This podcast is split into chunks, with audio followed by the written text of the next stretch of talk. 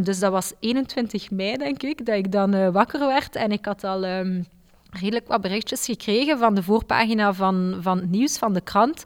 Waarin dat duidelijk was dat uh, prinses Elisabeth een van onze leggings aan had. Waarin dat je heel mooi recto verso zag. En dan is al de rest gevolgd. Dus ja, dat was echt wel een, een intense mediastorm. Een lucky shot, om het zo te zeggen. Welkom bij de tweede aflevering van Let's Talk Communicatiemanagement.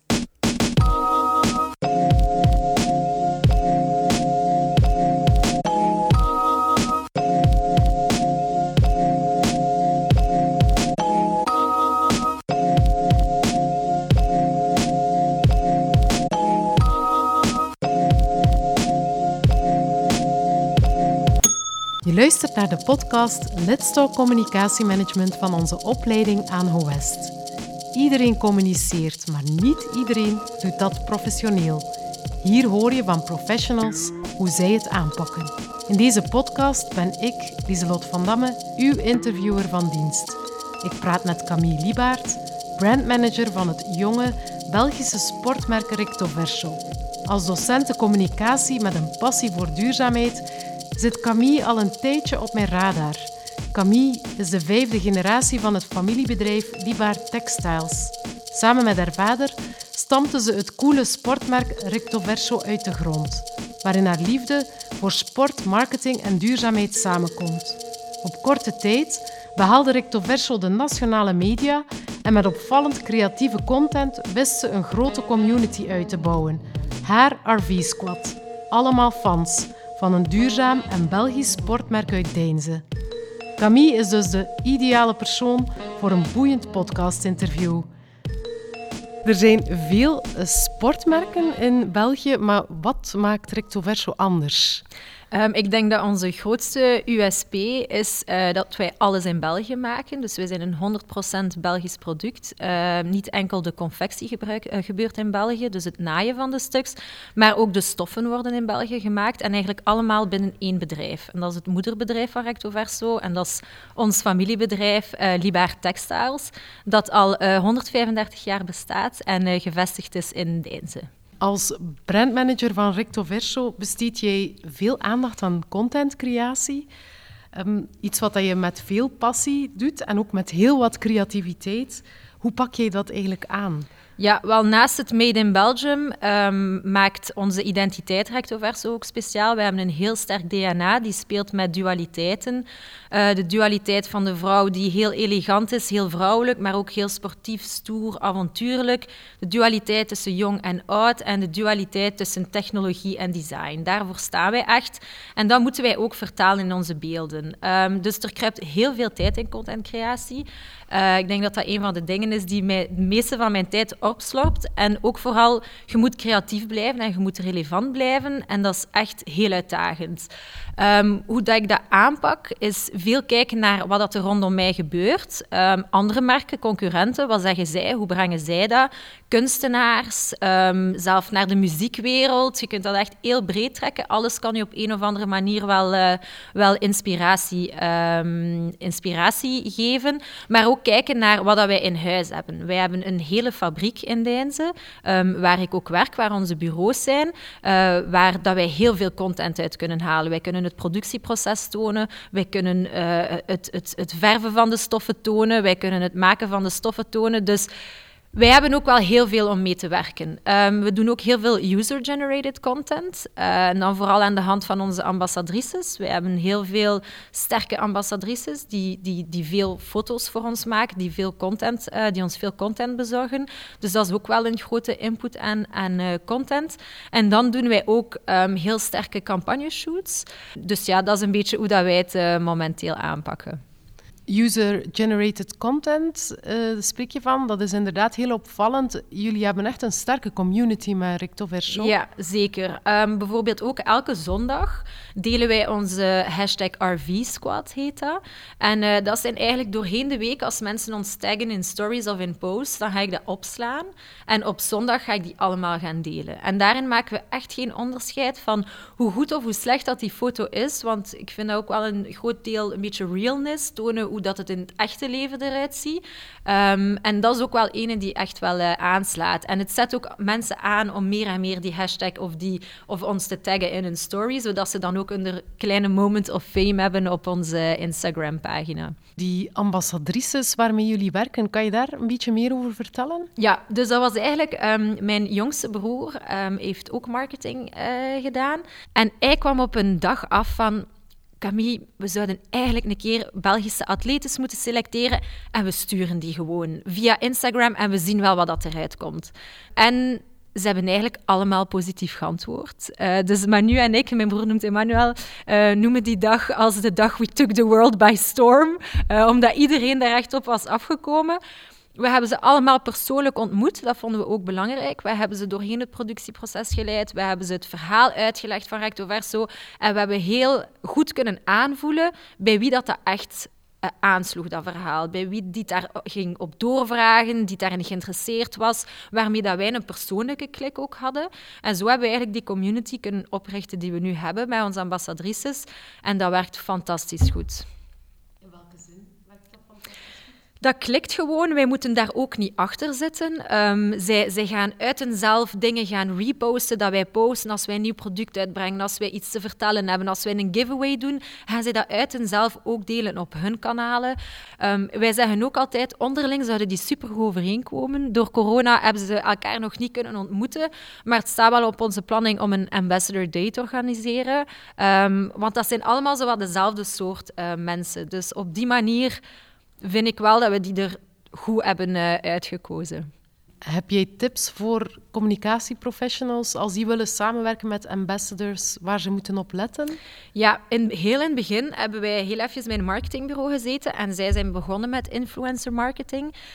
Maar ik ben een beetje wijfelachtig tegenover dat concept influencer, omdat dat heel snel, heel commercieel en heel oppervlakkig overkomt. En dat hebben wij op dat moment ook gemerkt. Wij hadden influencers die een gratis stuk kregen, die dat één keer uh, op een story plaatsten en die dat een maand later in een closet sale verkochten.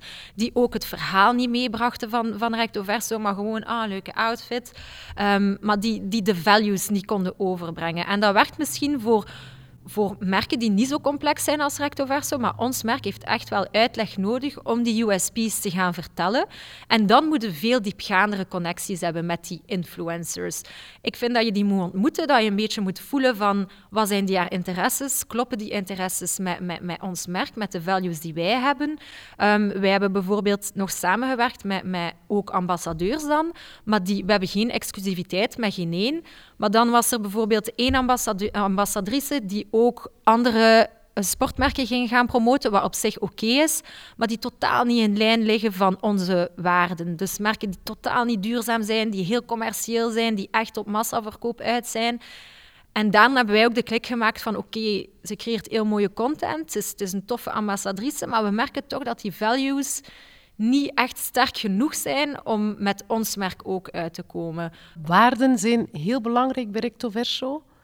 Kan je me daar iets meer over vertellen? Je hebt zo'n uitspraak ook. Um... Ah ja, ja, ja. We stretch our fabrics, but not our principles. Um, dat is inderdaad een quote die we gebruiken.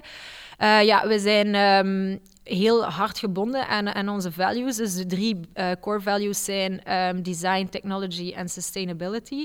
En dan onze secondary values zijn uh, family, adventure en heritage. Um, heritage zijn het feit dat wij al 135 jaar bestaan.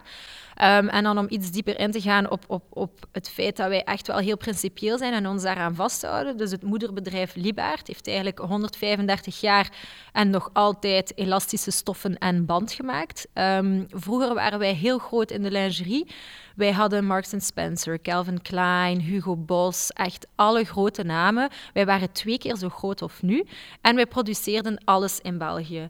Uh, nog steeds, maar dat heeft ons wel die klanten gekost. Dus rond de jaren 2010 zijn die één voor één naar Azië vertrokken, omdat dat daar goedkopere alternatieven waren.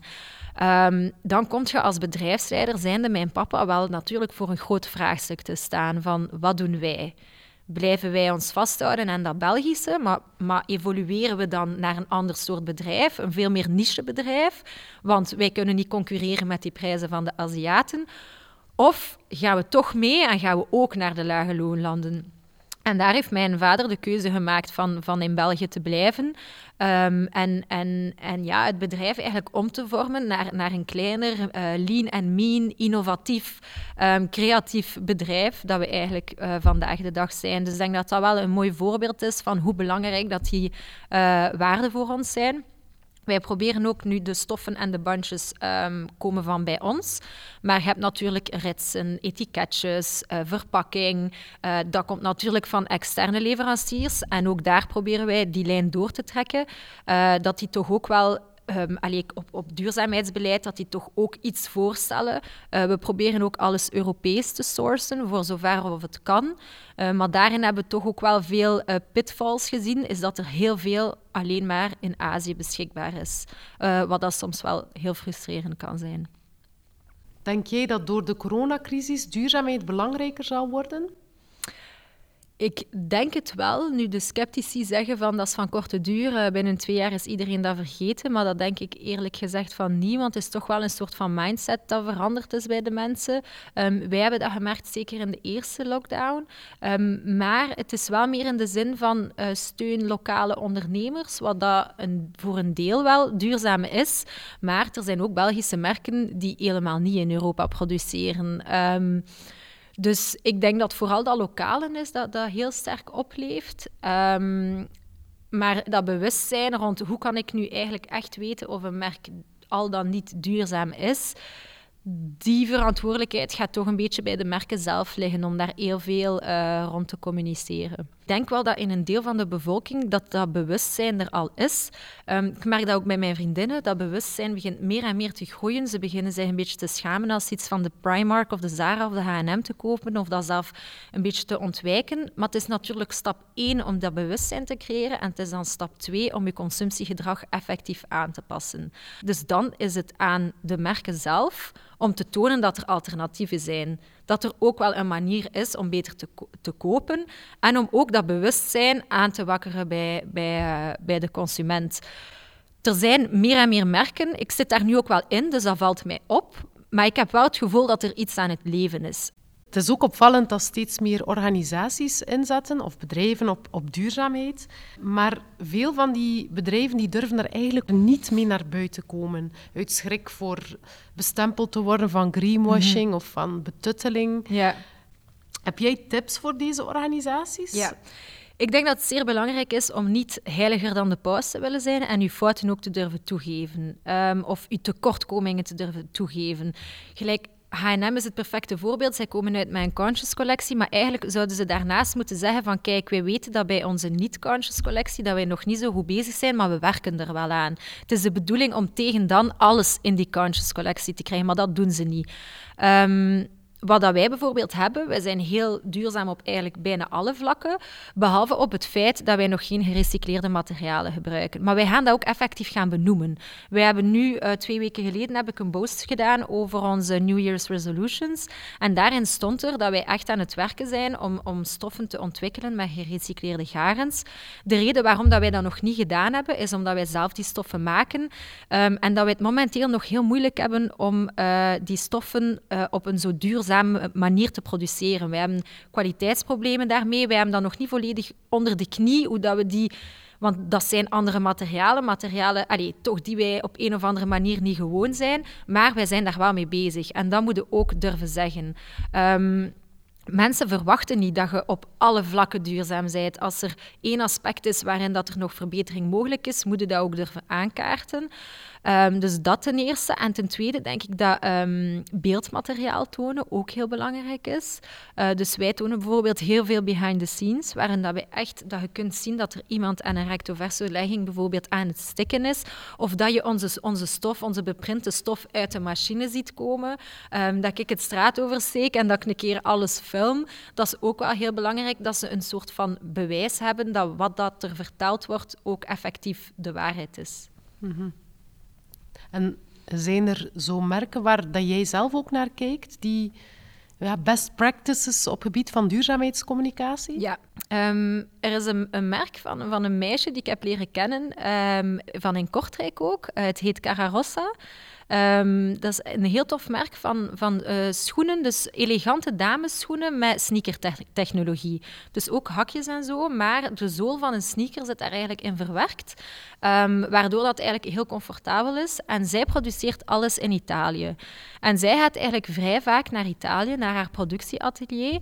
En altijd als ze daar is, toont zij van alle behind the scenes. Ik denk dat mocht je nu naar haar Instagram highlights gaan, dat je ook het een en het ander zou zien.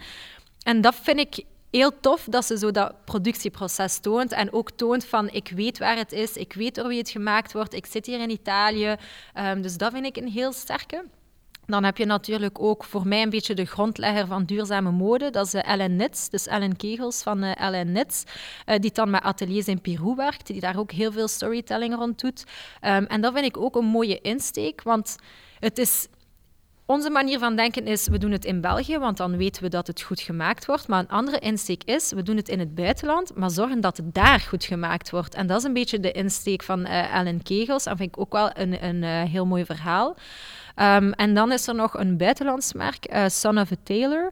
Zij um, maken op maat gemaakte t-shirts en zo. En ook op hun website kun je gewoon heel goed het productieproces volgen. Tonen zij waar dat hun ateliers zijn. Ze zijn echt heel transparant. Um, dus dat vind ik ook een, een, uh, een zeer mooi voorbeeld van hoe je communiceert over duurzaamheid. Um, misschien nog een belangrijk punt om toe te voegen is van niet um, met de vinger te wijzen. Dus proberen niet de, de consument een schuldgevoel te geven, maar meer zo wat dat besef ja, daar te krijgen.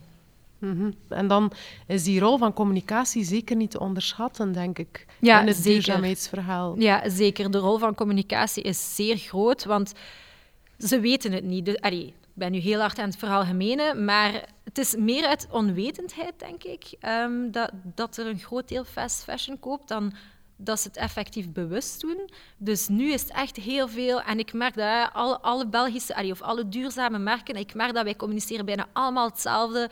Uh, allemaal bij Black Friday hebben wij niet meegedaan, of toch een groot deel leggen wij uit waarom dat wij niet meedoen. Of als we meedoen, waarom dat we dan toch wel meedoen. Um, wij doen bijvoorbeeld één keer per jaar solden, waarin dat wij uitleggen waarom dat wij solden doen. Waar, waarbij dat wij zeggen van kijk, wij doen eigenlijk geen solden, want onze producten zijn de prijs waard. En, en ja, wij vinden dat als je grote solden kunt geven, wil dat eigenlijk zeggen dat je product initieel te duur is. Uh, maar wij geven wel op het einde van het jaar, als, als net voordat de nieuwe collectie uitkomt, hebben wij nog wel stok over van de oude collectie. Daar kunnen we niet aan onderuit. En die solderen wij dan wel. Dus dat leggen wij dan ook uit. Um, dus ja, een grote rol is sowieso weggelegd uh, naar, naar communicatie uh, toe. En ook iets dat je ziet is dat bij jullie is dat heel sterk aanwezig. Jullie hebben een duidelijke, sterke identiteit. Maar de identiteit van een merk is tegenwoordig uh, meer dan alleen wie ze zijn en wat ze doen, maar ook waar ze voor staan mm -hmm. en waarom. En duurzaamheid, uh, milieukwesties, sociale kwesties. Uh, er wordt eigenlijk vandaag verwacht dat bedrijven daar een standpunt over innemen. Denk maar aan bijvoorbeeld Nike, mm -hmm. Black Lives Matter of Patagonia. Zien jullie jullie zelf ook als zo'n merk? Dat vind ik een gevaarlijke, omdat je dan bijna in de politieke richting gaat gaan. En dat vind ik een heel moeilijke, um, omdat dat dan meer de personen achter het merk zijn die gaan gaan spreken dan het merk zelf. Uh, dus daar proberen wij zo neutraal mogelijk in te zijn. Bon, um, aspecten gelijk Black Lives Matter, daar hebben wij ook onze steun betuigd en hebben wij ook getoond dat wij niet akkoord zijn met de dingen die gebeuren. Maar we gaan daar niet extreem ver in, omdat daar vind ik dat, dat gaat ons boekje een beetje te buiten, vind ik. Dat is niet echt onze rol. Ik vind dat dat meer dan vanuit individuen en zo is. Zelf, er zijn bijvoorbeeld uh, politici die heel toffe ambassadrices zouden kunnen zijn voor ons merk. Maar dat is dan ook al, uh, daar ga ik mij nu niet over uitweiden, maar dat is dan ook al moeilijke, omdat je onrechtstreeks links en, linkt aan een politieke partij. En daar vind ik dat wij wel... Persoonlijk, hè. Ik vind dat heel mooi merken, gelijk Patagonia en Nike, die daar dan wel echt op inspelen.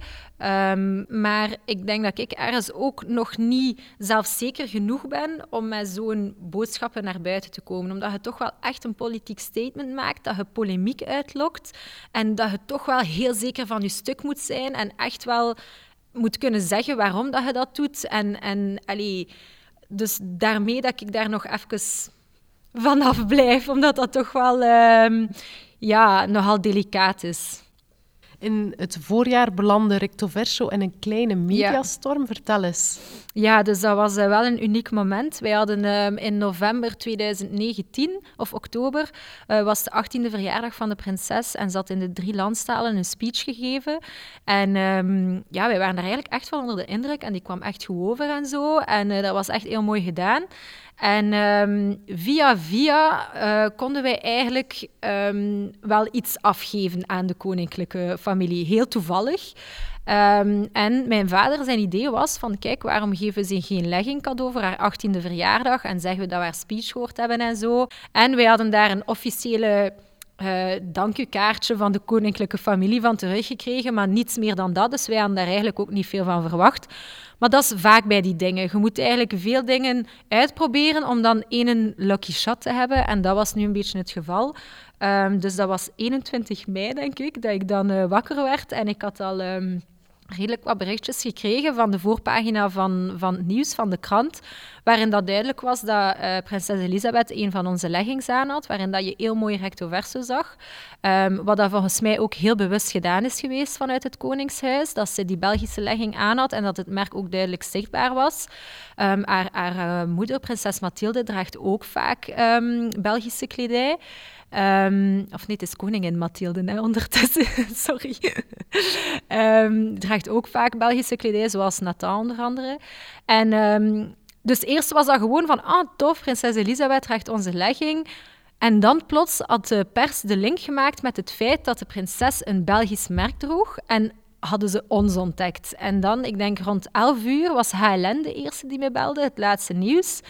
En dan is al de rest gevolgd. De Tijd, het Nieuwsblad, AVS, eh, VRT Nieuws. We zijn in het nieuws van 7 uur geweest. Ze zijn komen filmen bij ons op de fabriek.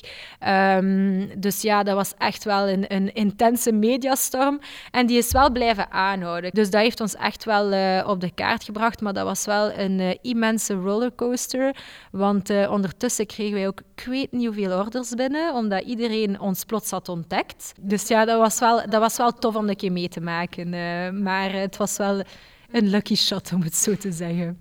Recto Verso slaagt er dus in om regelmatig in de pers te komen. Ja. Uh, ook nog na die mediastorm, ook voor die mediastorm, waren jullie af en toe wel al in de pers op te merken. Hoe doe je dat?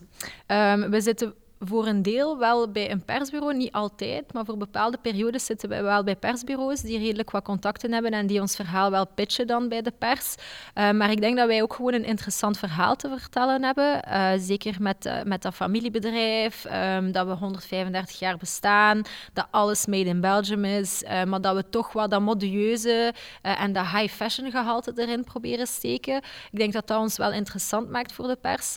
Um, en ook dat, dat ik dan vrij flexibel ben in, in, in de interviews dat ik wil geven. Allee, ik maak wel... Ik, ik wring mij wel door vele bochten om, om de pers te woord te staan of een antwoord te bieden of, of een kort interview te doen, ook al gaat het over iets volledig anders. Gelijk in de Sabato ging het dan over wat ik doe op mijn zaterdag. Dat was dan de Mijn Sabato-rubriek. En ik denk dat de pers dat wel apprecieert, waardoor dat je ook in hun hoofd blijft. Um, dus ja, we hebben ook heel goede contacten ondertussen bij, bij de pers. En daar ook heeft prinses Elisabeth ons wel, uh, ons wel geholpen. En heb je nog tips om zo nieuws te maken van je verhaal? Um, ja, wij werken dus echt met persberichten dan, naar de, die wij uitsturen naar de pers toe, uh, waarin dat je toch altijd moet proberen om iets nieuws te vertellen. Vorig jaar was dat voor ons wel een uitdaging, omdat wij maar één collectie per jaar doen. Dus op den duur heb je inderdaad niets nieuws te vertellen. Dus moet je toch wel met een beetje andere invalshoeken komen. Um, dus wat hebben wij vorig jaar gedaan? We hebben een collab met BioRacer gedaan. Um, dus waarin dat we een fietstenu hebben uitgebracht samen met BioRacer. Dus dat was ook weer een BioRacer in zijn Belgisch merk, dus ook weer een Belgisch verhaal. Iedereen was aan het fietsen tijdens de lockdown, dus dat was een, ook wel weer een goede om mee uit te komen. Um, en dan in het najaar, we hadden eigenlijk geen nieuwe collectie, maar een aantal nieuwe stuks. Um, maar hebben we wel een nieuwe shoot gedaan in het space-thema dan, omdat onze winterstuks zijn gemaakt met de space-technologie. waarin dat we weer diezelfde collectie eigenlijk op een andere manier getoond hebben met een andere invalshoek. Um, en zo'n dingen werken wel ook goed uh, bij de pers als, als je met een creatieve invalshoek komt of tof beeldmateriaal uh, komt. tof beeldmateriaal en ook een goed verhaal. Ja, klopt. Er moet wel echt een verhaal uh, achter zitten. En hoe zie je recto verso binnen twee jaar? Ja, op termijn zou ik heel graag naar de States gaan. Um, ik heb daar zelf zes maanden gewoond uh, voor een vorige job, als ik voor uh, werkte als uh, management trainee. En ik heb daar heel graag gewoond. Ik vind dat een fantastisch land. ik weet dat het zijn heel lelijke kanten heeft, dat nu vooral naar voren geschoven worden, maar het heeft ook zijn heel mooie kanten. En ik denk dat Recto Verso een merk is dat daar ook zou aanslaan. Um, en ja, dus dat zou voor mij het ultieme scenario zijn om binnen twee jaar toch die stap naar internationalisatie te kunnen maken en dan richting VS uh, te gaan. Maar eerst focus op uh, België. Bedankt om te luisteren naar Let's Talk Communicatiemanagement. Wil je luisteren naar de volgende aflevering? Abonneer je dan snel op onze podcast. Of beter nog, vertel het verder aan twee vrienden of collega's. Je vindt alle info over de opleiding communicatiemanagement op letstalk.howest.be. Tot gauw.